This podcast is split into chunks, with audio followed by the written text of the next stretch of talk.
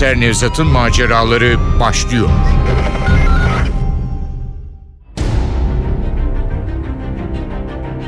Kör bir canı kim vurdu? Eser Ahmet Ümit. Radyoya uyarlayan Safiye Kılıç. Seslendirenler Başkomiser Nevzat Nuri Gökaşan. Komiser Muavini Ali Umut Tabak. Kör bir can Faruk Akgören. Recep Tolga Tibet. Delikanlı Tuğbe İstanbulluoğlu. Efektör Ufuk Tangel. Ses Teknisyeni Saniye Tekinbaş.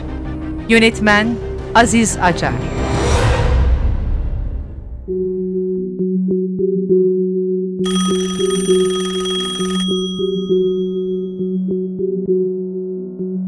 Gecenin üçünde telefonun sesiyle uyanıyorum. Uykum pek hafif sayılmaz. Epeydir çalıyor olmalı. İki kişilik geniş yatağımda dönerek komodinin üzerindeki telefona uzanıyorum. Alo. Alo, Başkomiser Nevzat mı? Evet sen kimsin? Ben Recep. Bican abi tarafından arıyorum. Uykum anında açılıyor. Bu kör bir canın sağ kolu Recep. Ev telefonumu nereden buldun? Bican abi de varmış. Bican komada değil mi? Şükür Allah'a açtı gözlerini. Adam uyanmış ama maalesef yardımcım mı olacak adamın haberi yok. Güya adamın yattığı odanın kapısında nöbet tutuyor. Ne zaman oldu bu?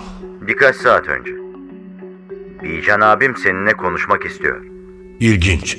Demek Bican komadan çıkar çıkmaz beni istiyor. Üç gündür kafamı kurcalayan düğüm sonunda çözülecek. Öyle diyorum ama gerçekten çözülecek mi? Bu adamlar öyle kolay kolay konuşmazlar. Ne kadar ciddi olduklarını anlamak için olta atıyorum.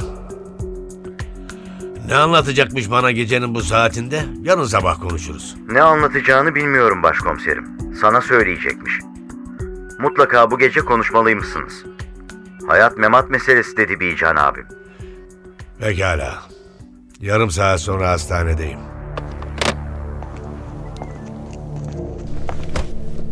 Emektar arabam güçlük çıkarmadan çalışıyor. Ana cadde bizim sokak gibi sakin. Yine de hızlı gitmiyorum.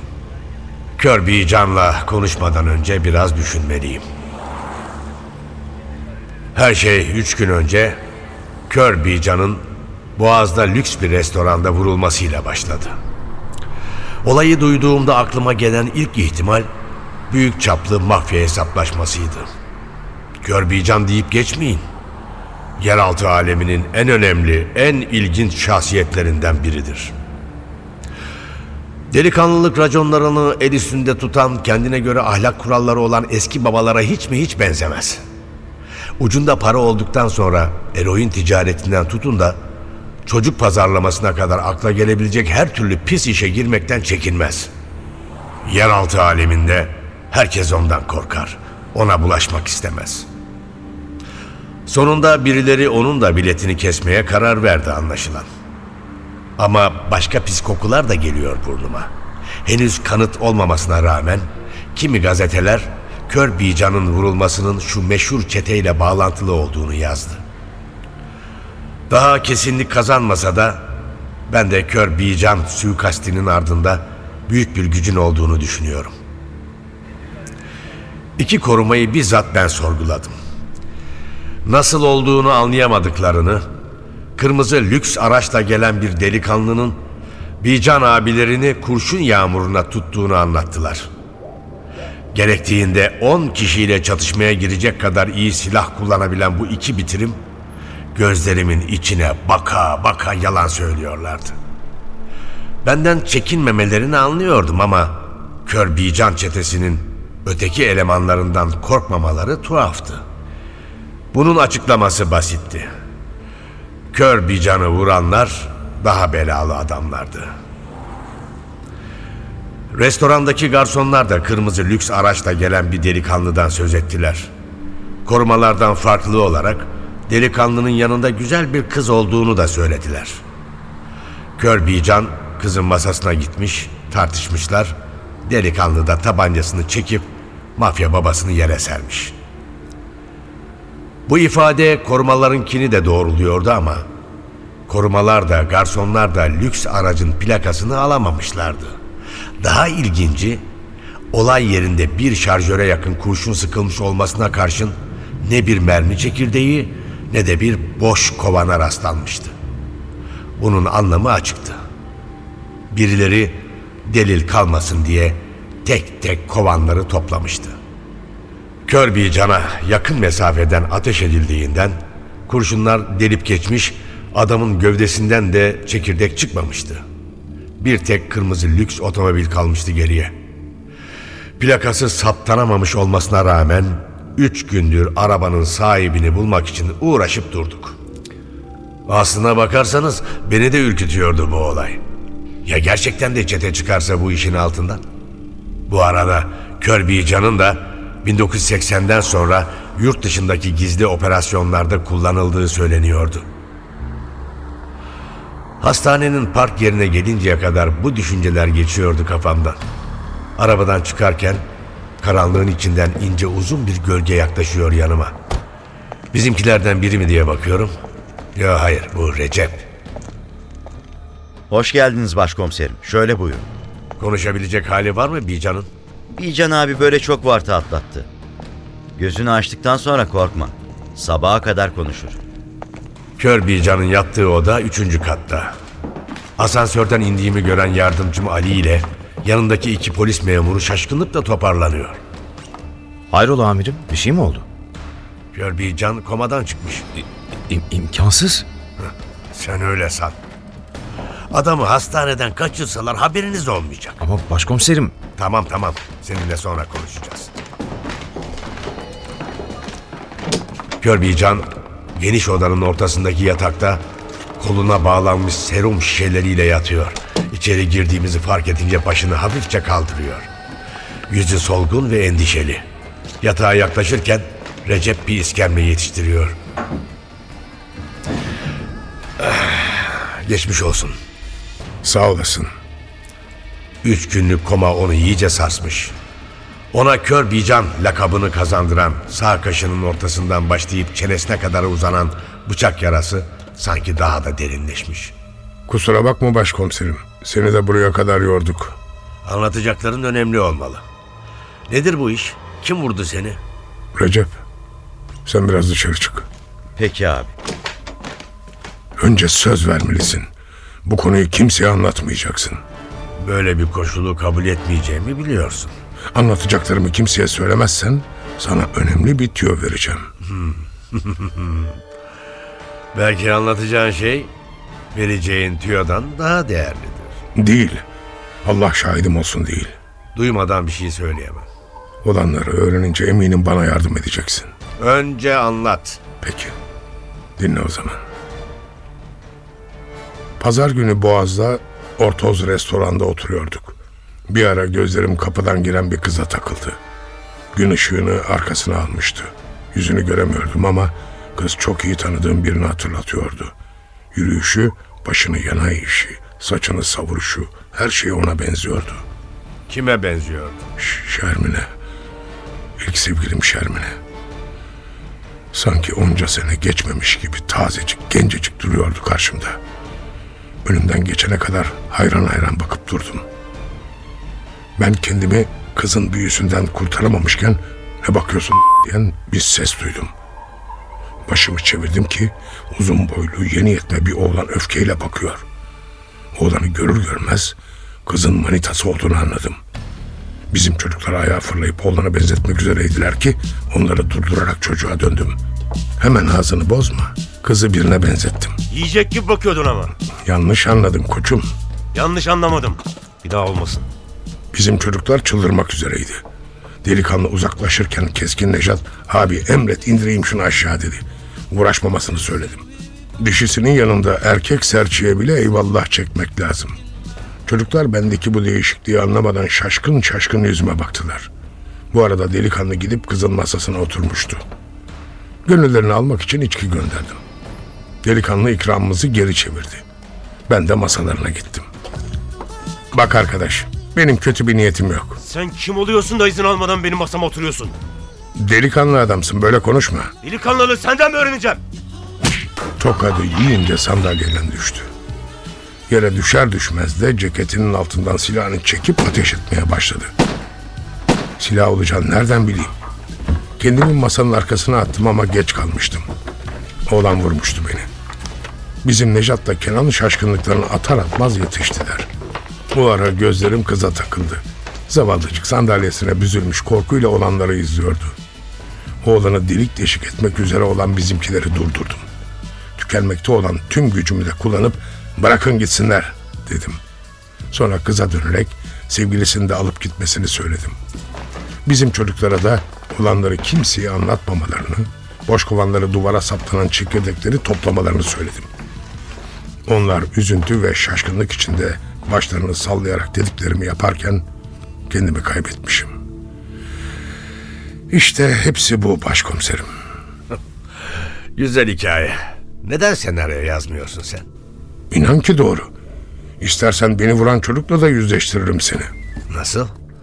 Çocuğun kim olduğunu biliyor musun sen? E, biliyorum. Döviz zenginlerinden Hilmi Kaya'nın oğlu. Bizimkiler oğlanı bulup olanları anlatmaması için gözünü korkuttular. Zaten benim kim olduğumu öğrendikten sonra kaçacak yer arıyormuş zavallı. Babası defalarca özür dilemiş bizimkilerden. Kör bir canı tanımasam, yeraltı aleminin en çirkef, en iğrenç adamlarından biri olduğunu bilmesem, tamam diyeceğim. Ama benim bildiğim kör bir can, bunu yapacak adam değil.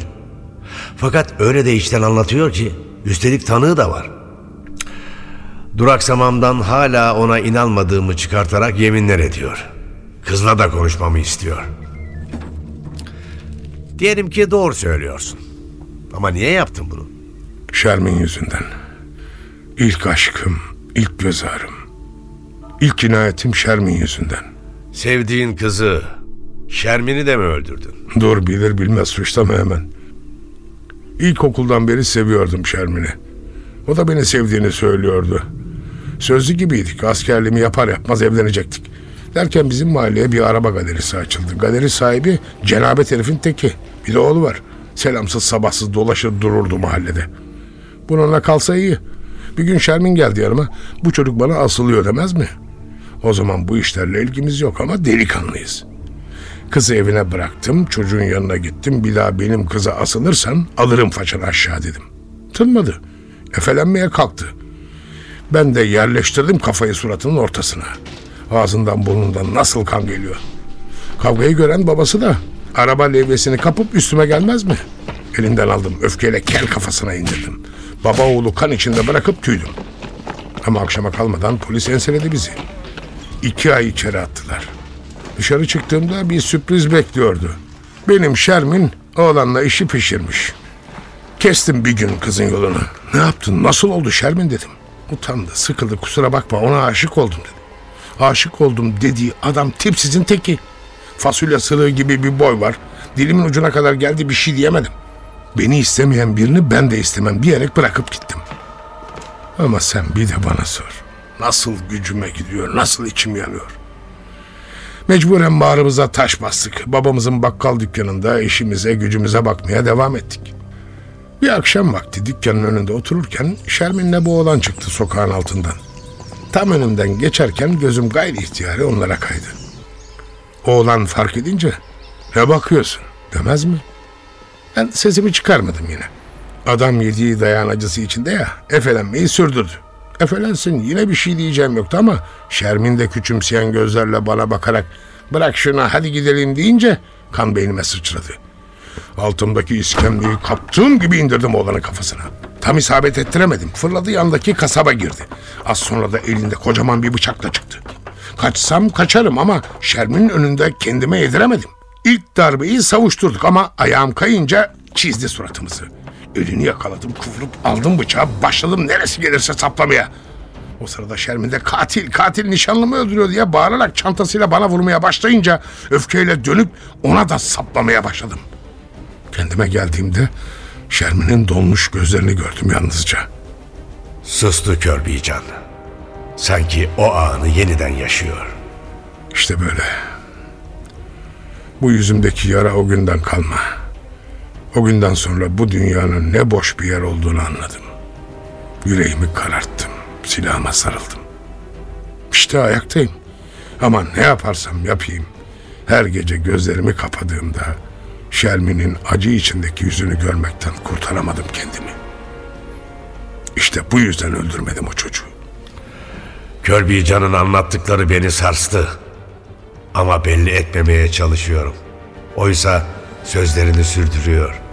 Sana bunları neden anlattığıma gelince, nasıl olsa kırmızı lüks otomobili bulacak olayı öğrenecektin. Önce benden duy istedim. Kör bir canı toy bir oğlan vurdu diye rezil etme bizi diye anlattım bunları.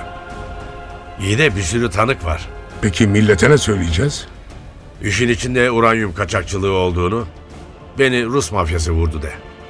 Ben de ifademde Ruslardan bahsederim. Ha, olur mu? Olabilir tabii ama önce şu tüyoyu duyalım.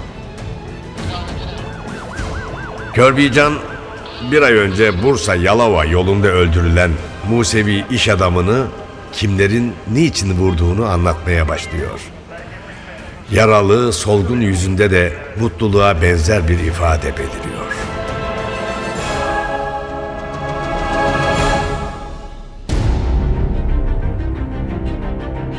Kör bir canı kim vurdu? Eser Ahmet Ümit Radyoya uyarlayan Safiye Kılıç Seslendirenler Başkomiser Nevzat Nuri Gökaşan. Komiser Muavini Ali Umut Tabak. Kör bir can Faruk Akgören. Recep Tolga Tibet. Delikanlı Tuğbe İstanbulluoğlu. Efektör Ufuk Tangel. Ses Teknisyeni Saniye Tekinbaş. Yönetmen Aziz Acar